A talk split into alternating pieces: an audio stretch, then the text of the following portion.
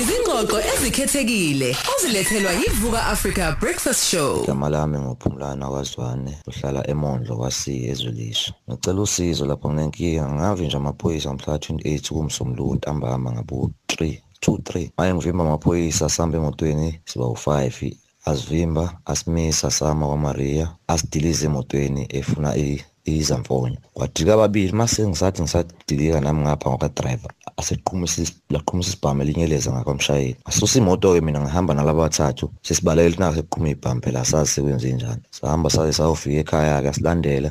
Mase singena ekhaya wahambe sangena kunandlula aqhubeka aya phambili. Then sithe sabekezelele lokho kuhamba iy'nsuku kwaphela lesibili lesithathu lesine ngolesihlanu ebusuku afike sefike ekhaya-ke lapho. Afika amaphoyisa akukhahlela isivala angena angishaya. Angifasa ngey'nsimbi angibhaxawula ngemvubu angiphula ngiyipanela ezasendlini ayiphethe angishaya yonke into njengoba ngayicabanga nangenduku. Ngaze ngaphuka umlenze ngaphuka ingalo nala esifubeni nje ngilimele kumanje nenqwaba yecrash. Into engiphethe kabuhlungu-ke ukuthi ekugcineni awasho ukuthi ngenzeni. Abuza nje ukuthi ngalelo langa engimisa ngangingami ngani efuna leso samfonyana ngasifakile. So manje ngiyile ngawudlula ecala esiteshini emondlo. Angakazi ukuthi kuqhubalana ngoba incwadi kadokotela ngihambisile lamaphoyisa ngiyawazi amathathu awo. Khona bathi uvelaphi umwelase kuba amabili asolundi engiwaziyo ey'bhala ama-name tag la wayifaka amabhiji abomvu. Ekugcineni futhi athatha avula imoto ayifaka amanzi enjinini afaka amabhawudi amancane ayibulala nje indaba yey'moto yaphela indaba yenjini. Umama mayethi uyakhuza ngalolu suku ebusuku avele aphume amthuke amkhomba ngesibhamu ambuyisele endlini. So manje ngichazela bephepha sebezamile ukungisiza nabo noma sebefakile-ke nabo kwabo engingakushongo. And ewubuhlungu kakhulu manje ngisovalweni angisazi noma ngiqhubeke ngihlale ekhaya noma bazobuya bezongiqedela cause 2012 kwashona ingane kasisi wami yadutshula yiyo amaphoyisa futhi eyidubulele endlini khona la kwasika. Ngicela usiza ngazi ukuthi ngingenza kanjani. Ngisovalweni kumanje isandla samasisebenzi unyalo masisebenzi angisakwazi ngisho ukuvovivas lapho ngiyacela ningisize besazi. Eh nolwazi sithola ubaba umnqayi manje. Njengamanje ke kunjalo siqemeza sothola ubaba umvuseni mnqayi uyi head of provincial secretariat okushuthi nje uyena owengamele inhlelo zokusebenza kwamaphoyisa la esifundazweni saKwaZulu Natal okuthi simamukela ukuze asicacisele kahle lonke lo daba ke osikhuluma ngalo. Baba umnqayi siyabonga kakhulu ukuthi usiphi isikhatsi sakho siyakwamukela futhi emsakazweni ukhoze FM Angibingelele eh sisinolwazi nesigqamaza nesisomroza eh nabalaleli bomsakazo omkhulu wokhosi. Hayi umuno ukhonjiwe kinina lapha eh eMondlo. Mm. Lokhu nikhombe njalo umuntu. Eh usikhombile kakhulu kodwa ke eh angibeke nje udaba oluthi eh siwumnyango wezo wezokuphepha nokuxhumana komphakathi ngoba siyale sibhekelele nathi ukusebenza kwamaphoyisa ukuthi amaphoyisa asebenze kanjani? Kodwa udaba ke kade ngililalele kahle nilithula nikhuluma nanoma umthembu mawulalela sisi uyabona ukuthi kukhona lapho okungenzekanga khona izinto yabo? Kodwa ke ngeke sathi sesifike esiphethweni lo daba ngoba njengomnyango kufanele siye senze into ye monitoring and evaluation njenge department noma ukubhekelela ukuthi kusetshenzwe ngendlela efanele yini. Eh lokho sokwenza ngokuthi sisondele station eh sixhumane nomama noma leyo mndeni ethintakele ekusebenzeni kwamaphoyisa ngendlela abona ngayo. Uma kukhona amacala okufanele adluliswe adluliselwe kwi-IP sibheke ukuthi adluliselwe yini ukuze kwazi ukuthi alandele ngendlela. Ngoba amaphoyisa mayisebenza kusuke kufanele asebenze ngendlela enobuqotho phakathi. Asikwazi ke kodwa ukwahlulela njengamanje. Eh ngoba suke phela nawenza umsebenzi. Kodwa futhi mangilalela ke isayide lika mama umthembu kukhona lapho ubona khona sengazi ukuthi eh kukhona naye lapha imithetho ebisiphuka khona. Njengakho nje ukuthi akuvumelekile la ezweni lakithi eSouth Africa ukuthi eh ngingathatha ipasi lomuntu lizogcinwa yini noma ngithathe ikhadi lakhe lezinto eziyimfihlo njengezinto ezithinta ukuhola kwakhe bese ngithi kulungile ukuthi ngiyithathe le nto ngiyibeke ngiyibeke kumina. Eh kodwa ke konke lokho sozama ukuthi masisixhumanile nazo zonke lezi zinhlaka esikhuluma ngazo esibona kuphi lapho kwenzeke khona amaphutha. Mawukuthi kunamacala avuliwe sibheke ukuthi kufanele phela alandelwe eziyofika ekuthetheni ngendlela efanelekile futhi Mm. Usakhuluma ngakho lokhu eh ngiyajabula ukuthi asikakakhomba umuntu engqowe emaphoyiseni sithi iwona enzeni noma uyena. Nakho lokhu ukuthi athi kunemali eyathathwa but akuyona yonke imali eqhamile nevelayo erecordwe police station. Uma kunjalo niyayinenzeni kumaphoyiseni? angithi ke konke lokho eh, mthiyo omkhulu eh, eh nabalaleli kufuneka konke ku- kucutshungulwe ukuthi kwakuyimalini ngoba naye akasho ukuthi kwakuyimalini eyathatheka. Eh kuyale kuhlupha hlupheke ngoba khona izinto usuke ungazi ukwazi ukufika kahle kuzona ngoba ngingasho ukuthi ngesikhathi ufika kumina ufika wathatha u20 rand kanti ngempela boku15 rand. Yeah. Manje ke kufuneka kube uphenyo olucubungulisisa kahle kube khona into ezoba nofakazi ukuthi kwakuyimali engaka ngoba uma kuwukuthi amaphoyisa asebenza ayolanda mhlawumbe angilinganisa utshwala ngoba kudayisa ngendlela engekho emthethweni. Mm. uma kuthathwe amakesi ayishumi kufanele kufike ayishumi estation kungabe sekufika amancane kuna- kunayishumi. So kufanele ke zonke lezi zinto zibuke nemali ngokunjalo. Makuthatha u100 rand ngoba lo muntu uhweba ngendlela engekho emthethweni kufanele kuyorekhodwa emaphoyiseni epolice station u100 rand kungabe sokurekhodeka u60 rand. Kodwa ke sonke njengamanje sisakhuluma ngodaba esingenaso isiqiniseko kahle ya sisakhuluma ngenzwabethu aw- awukazuzwe nawe ukuthi babeyifakile ngempela iuniform eh nanokuyivala kwabo eme- emehlweni eh ukuthi mhlawumbe befaka amabara clava. awuka- awubungakazi ukuzwe nawe. No no bengakakutholi bengakakutholi eshen bengakakutholi. O- kungaba Eh, yiphutha yini mhlawumbe uma ukuthi uniform babengayifakile mhlawumbe nanokuthi babe imbozile ebusweni?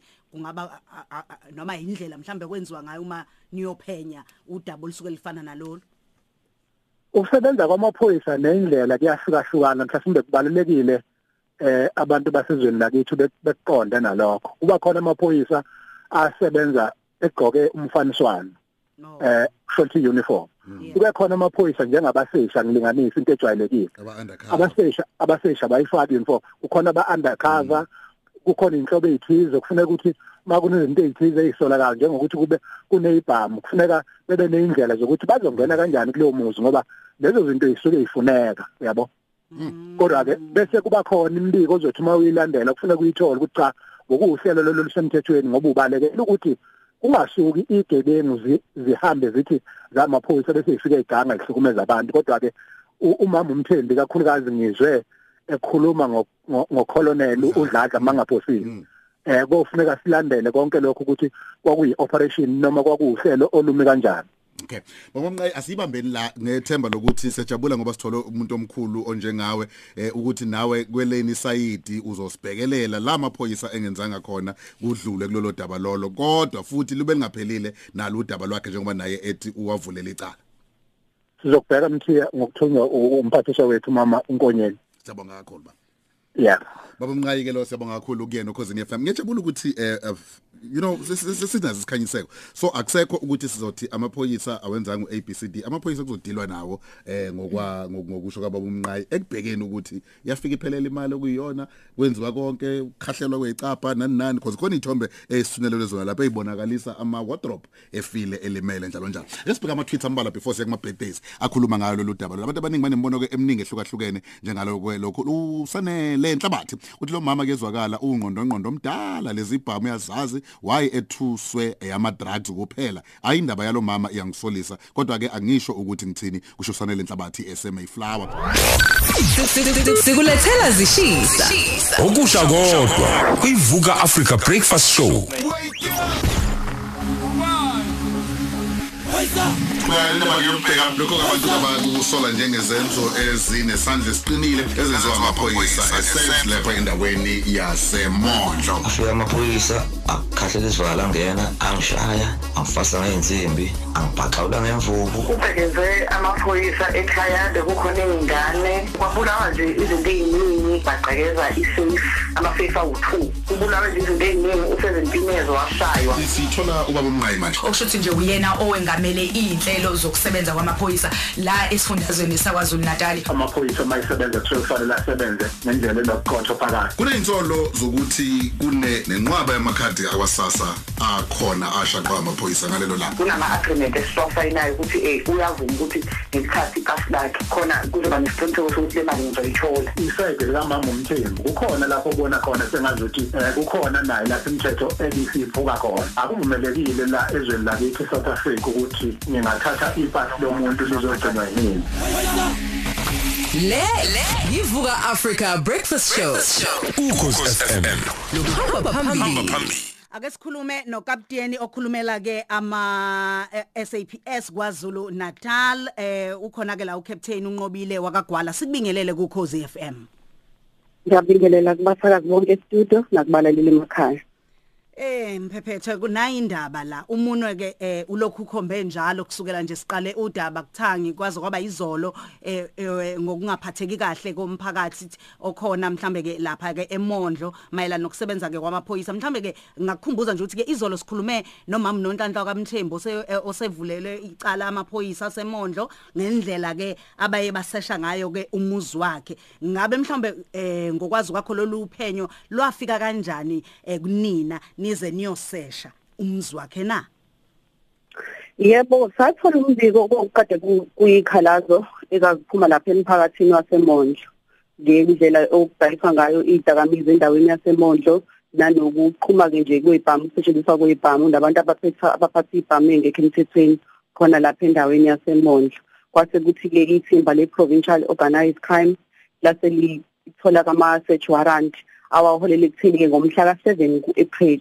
Kwabe sekuyiwa lapha endaweni yasemondlo uko-executor-ke lama-search warrant kwimizi ka- kasisi owudombi igama lakhe eh udombi Mthembu. Okuyena-ke okwafika ngesikhathi-ke amaphoyisa efika emzini wakhe awazange amfice kodwa umuntu owayekhona kwakuyindodana yakhe eneminyaka eyi-twenty-one. Wabe-ke sefonelwa-ke izikhathi eziningi wathembisa ukuthi uzawufika usothongathi kodwa akazange azafike. Kunalokho kunowesilisa amthumela ukuthi afike azobona lamaphoyisa khona okuwukuthi-ke usesho lwaqhubeka lwenzeka ekhona lo pho- le phoyisa owe- um, i- u- u- u- umlisa lo ekhona. And futhi okujabulisa kakhulu ukuthi lo wesilisa amthumela uwumuntu omthetho N- oh wa- wa- wathindwa wathindwa kwathola lokuthi ke eh, ugcina ngafiki. Kwase kuukuthi niyazi eh, njengamaphoyisa niyaziqekezela niyangena. Akuzange kuze kubhekeze kwaba kade kukhona abantu abakhona ekhaya. Okuwukuthi-ke kwabe se- sebekhonjiswa-ke incwadi ukuthi nayo incwadi esigunyaza ukuthi kuseshwe kwase kuseshwa-ke ngemvume yabo futhi phambi kwabo-ke khona lapho njalo wa- i- indlu lezi igumbi negumbo kwakuseshwa kulona amaphoyisa ekhona nelunga futhi lomndeni amalunga omabili omndeni okuwundodana wakhe udombi uphinde futhi kube wesilisa lo kuyena futhi engithi naye uyawazi umthetho wayekade ekhona naye. Lwenziwa kusesho okutheke makuseshwa kendini kwabe sekutholakala-ke ibhamu ezingekho emthethweni okubalwa i-AK47 nebhamu embili okuyi-pistol ne-revolver kwatholakala-ke ne- nenqwaba-ke yey'nhlamvu-ke nazo futhi ezingekho emthethweni. U- u- u- ukhala ngokuthi indodana yakhe eno cishe 17 years yathola ukuhlukumezeka. I- u- uma kuseshwa isihlukunyezelwana indodana? Akukho ukuhlukumezeka kwakukhona njengoba ngisho nje ukuthi konke lokhu kwenzeka phambi komuntu womthetho. Ayekade emthumile owumlingani wakhe wamcela ukuthi akeze azombhekela amaphoyisa ayekhona. Okuwukuthi-ke futhi indodana yakhe le yaficwa amaphoyisa ngesikhathi kwenziwa usesho ineminyaka ewu-twenty-one okuyiyona futhi eyayihamba ikhombisa amaphoyisa ecela amaphoyisa ukuthi sicela ukusesha igumbi elukuthi sicela ukusesha igumbi elukuthi kuyena futhi oyehamba nawo amaphoyisa kanye nomlingani ayekade ehamba naye. Ngoba futhi khona la endlini e- e- e- yakhe uDombi elapha eMondlo kwatholakala futhi na nenqwaba yamakhadi akasasa kwatholakala futhi ke nama ID books. Okukuthi ke akekho umuntu ngomthetho ngomthetho esilawulayo i-National Credit Act akekho umuntu ovumelekile ukuthi aphathe ikhadi lomunye lakasasa ngoba ikhadi nekhadi lalikade linanyathiselwe iphini ngemuva. Kulamakhadi atholakala. Sisinqobile sibonile la sithunyelelwe imfanekiso yezinto e- engathi zidestroyiwe noma ziphazanyisiwe endlini yakhe lo enithi kade niyosesha khona. Okunye futhi ukuthi uthi abantu abafika munye kuphela umuntu owayegqoke into enokwenza nophoyisa abanye babegqoke amabhalaklava izankwane befihlekile kungabonakala ukuthi obani laba. Into yesibili leyo ekhalisayo. Egcineni uma ngabe kukuthi nithole yonke lezi zinto oyibalayo yindaba ningambophanga. Inkinga ke e- esuke yenzeka la kukhuluma umuntu owayengekho. Ngesikhathi amaphoyisa ezokwenza usesho. uDombi wayefonelwa amaphoyisa afika lapha eMondlo kwaku half past 8 ebusuku. Wafonela kwaze kwakushaya u half past 11 ebusuku. Kwawukuthi ke abomndeni amalungu omndeni athi no akuqhubeke kusesho ngoba uthi ulokhu ethi use uzothongathi kodwa kwaqhubeka ke kwasesho amaphoyisa asebenza ubusuku bonke kwaze kwasa ngakusasa azahamba ngakusasa ekuseni. Lutho ukufika uDomi efonelwa elokho ethembisa ukuthi uyeza uyeza kodwa akazafiki. Kunalokho amaphoyisa azahamba futhi ke okumnandi kakhulu ngendlela esisebenza sebenza ngendlela yokuthi asifuni ilungelo lomuntu linyatheleke uma sekwenziwe usesho umuntu uyeke athole incwadi afundelwe akhombise ayivumele ukuthi njengoba kwenziwe usesho ayikho impahla yakhe ecekelwe phansi. Ayikho futhi into yakhe impahla yakhe e, e, elahlekile ngesikhathi kwenziwe usesho wanikezwa undodana wakhe oneminyaka eyi-21 incwadi ayisayina lapho ayeqinisekisa khona ukuthi ayikho impahla ecelelwe phansi futhi ayikho impahla eyebiwe ukuthi ke ngaleso sikhathi ke kwakungekho indawo lapho kwakhona ke amakhophi. Kodwa wathembisa ukuthi yena uzoshutha ngeselfoni yakhe. Imali kuthiwa enayithatha yafika estationi ingasesona lesisamba enisithathe endlini futhi. Imali yafika nje epolice station ngokwamabhuku nje yafika nje iphelele nje ikanjalo imali. Sengifisa ukuphetha mina la ngifisa ukubheka ukuthi angazi noma uvumelekile yini ukuthi ungasitshela ukuthi kahlehle ngokwe profile yenu eninayo ungubani uDombi? uDombi igama lakhe uNonhlanhla Dombi Mthembu kodwa nje endaweni yaseMondlo waziwa njengoDombi. Ngisho ukuthi le eyenza ukuthi akuze kuhanjwe kuyoseshwa kube khona yonke lento iyini ingqikithi iyayo yonke le ndaba? Yena sikhuluma ngokwenu. njengoba umsakazi benike ngachaza phambilini ukuthi sathola izikhalazo emphakathini waseMondlo ukuthi kunezenzo ezingezinhle endaweni yaseMondlo lapho okutholakala khona abantu nabantu abaphatha ibhamu engekho emthethweni. Kunabantu abadila nezidakamizwa endaweni. Kwabe ke rent le search warrant yenziwa kwimizi yakhe yonke anayo eyu5 khona lapha endaweni yaseMondlo okubalwa nebooking store yakhe. Kodwa ke kulezi ezinye izinto akutholakala lutho okuningi kwatholakala kuleli yokuqala elapha eMondo lapho kwenziwa khona umsesho owatholakala khona ibhamu engekho emthethweni amakhadi akasasa ama-ID book abantu. Solumi kuphi ke manje udaba ukuyigoqa indaba yethu? Yini e, e, esingayilindela noma elindelekile nje ukusuka manje? Sekukhona lezi ikhale evela ngakuyena nani nolweni udaba? Igoqwa kanjani le ndaba yonke? Yebo kwavula ke i-inquiry ngokuba umnikazi wempahla eyatholakala wekade ezithi ekhaya kwavula ke i-inquiry inquiry le uphenyo layo lisaqhubeka anokuthi futhi okunye nje amaphoyisa lapha i-organized crime yahlala cishe amahora amane. Ilindile okwazi kwabeke uqala ke useshonini ngo-half past 11 kwazi kwasekuseni nokunye ke futhi emsakazweni futhi ngicacise ke kwavele obekade kuyikhalaza ukuthi engathi uJohn watshelwa ukuthi avule icala e-Mount Police Station. Ukuthi ya ulayini wakhe engathi ya ulayini wakhe engathi Captain asenze kanjena sicela ukuya edolo kancane nje masibuya siqedele kahle nawe khona la kukhosi. Lolo khosi FM siyakunolwaza kwamaci kodwa ngaphambi sekuyena sifuna uqedela ke no kapteni wamaphoyisa ukhulumela amaphoyisa udadewethu Captain unqobile kwala Cap ngaphambi ukuthi siye kuyi break mhlawumbe besifuna ukubheka kunye ukuthi kuneyintsolo zokuthi icala alivulwanga eh imondlo banqaba baza bagcina belivule edandi. Kusuke sekwenze njani maninqaba ukuvula icala especially esuke lithinta abantu benu? Engifisa ukucacisa kulesi sigameko lesi saka system eh icala wafika ukhona umuntu owafika epolice station owathi ummeli wakhe. Uyena ozovula icala. Wafonela umphathi station wakhona lapha eMondo uKenneth Uzwane washo ukuthi uzovula icala uzovulela iclient iclient yakhe. Wabeke ese advise ukuthi sacela ukuthi iclient yakho kube iyona ezofika. Izokwazi ukuthi ivule icala uma ithi lahlekelwe izinto khona izofike isho izinto zakhe achaza ukuthi iziphi izinto zakhe ezimlahlekele. Kodwa kunalokho abazange bazi balivula icala emondlo. Babaleka bahamba bayolivula kuphi icala?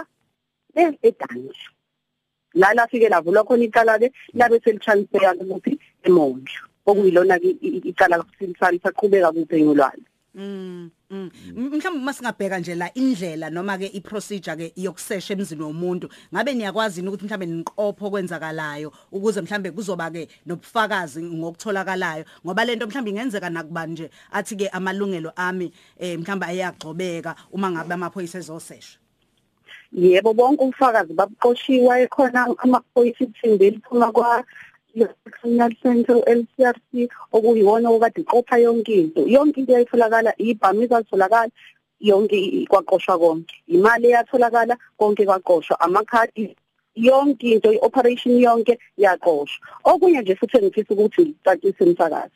Amalungu omphakathi analo ilungelo lokuthi afake isikhalazo uma kuwukuthi abakutholi ukusizakala ema-police station kodwa kumele alandele imigudu efanele yokufaka isikhalazo.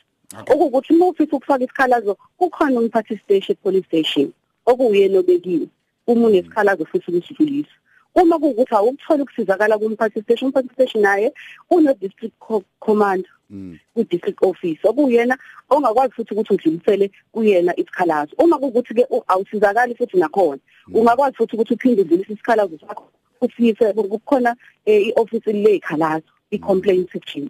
Izoshiya i-email address nenamba yocingo yakhona makuphela uhlelo.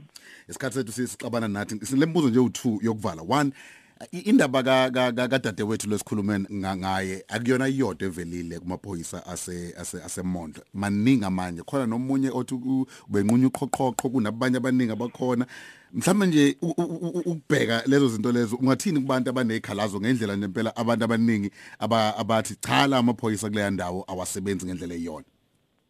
Yebo ngiyafisa uma kuwukuthi kukhona umuntu onezikhalazo noma kukhona ukungasebenzi ngendlela kwamaphoyisa banelungelo lokuthi bafake isikhalazo i-email address abangayisebenzisa ukubhala yonke into ngokukhululeka. Konke abafisa ukukhalaza ngakho ithi kzn.complaint@saps.gov.za bangaphinda futhi bashayele nenamba ikhona nenamba yakhona yocingo ewu031 325 5951 lapho bengafaka khona isikhalazo i- i- i-website le i mean i- i-email address le ikhona futhi kwi-website yakwa SAPS Mm. Case kaphakamani kubheka um nayi le trend kakhulu futhi nayo khala ngendaba abantu abang- abanqunya uqhoqhoqo. Eh cap oh yebo yebo sibheke yes yes ngizama ukuchecka yona ukuthi yi- se- senikuphi nayo kwenzakalani bakhala ukuthi ba- ba- wayenqunywa umqala. O likhona iqale elavulwa khona lapha e-police station eMondlo ngoba ukubona ngokuthi abantu abamshaya uthi baphoza ezamaphoyisa okuwukuthi ke uphenyo lisaqhubeka kodwa ke futhi ke okubuye ku- ku- ku- ku- kuthuse kakhulu ngoba umuntu okuyena okhalayo unoqhaqhana lwamacala nawo.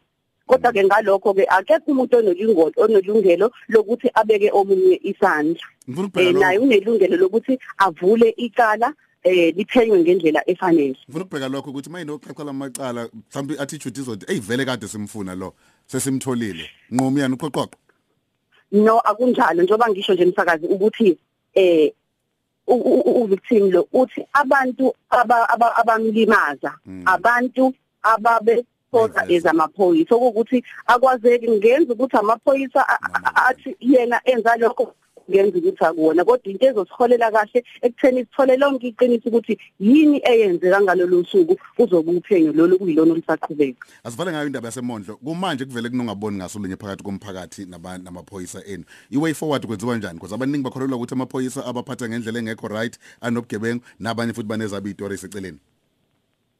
ingakho eh abantu ke kubelula kweyinkathi ukuthi umuntu asho into ayizwa omunye uyakasho into ayizwa ngomunye umuntu ukuthi hayi vele kuthiwa bengukuthi umuntu ena enezathu ezifanele unelungelo akafaka isikhalazo. Njengoba bese ngike ngachaza nayi email address lapho bengafaka khona isikhalazo ukhona futhi no district commander bangafaka futhi isikhalazo kuyena umuntu ukuthatha istatement kuyena khona kuzokwenziwa uphenyo ngabantu abangawenza umsebenzi wabo. Cap sebonga kakhulu tube nathi kukhoza. Ngiyabonga nami Sibonga kakhulu captain wamaphoyisa uphinda khulumela wona futhi captain Nqobile Gwala. Bekade sibhekala udaba ke oluthinteke indawo yasemondlo kakhulu belithinta ke ungaboni ngasolinye phakathi kwamanye amalungu omphakathi namaphoyisa namacala osekuvulelwane wona. Nolwazi uza nezemhlaba.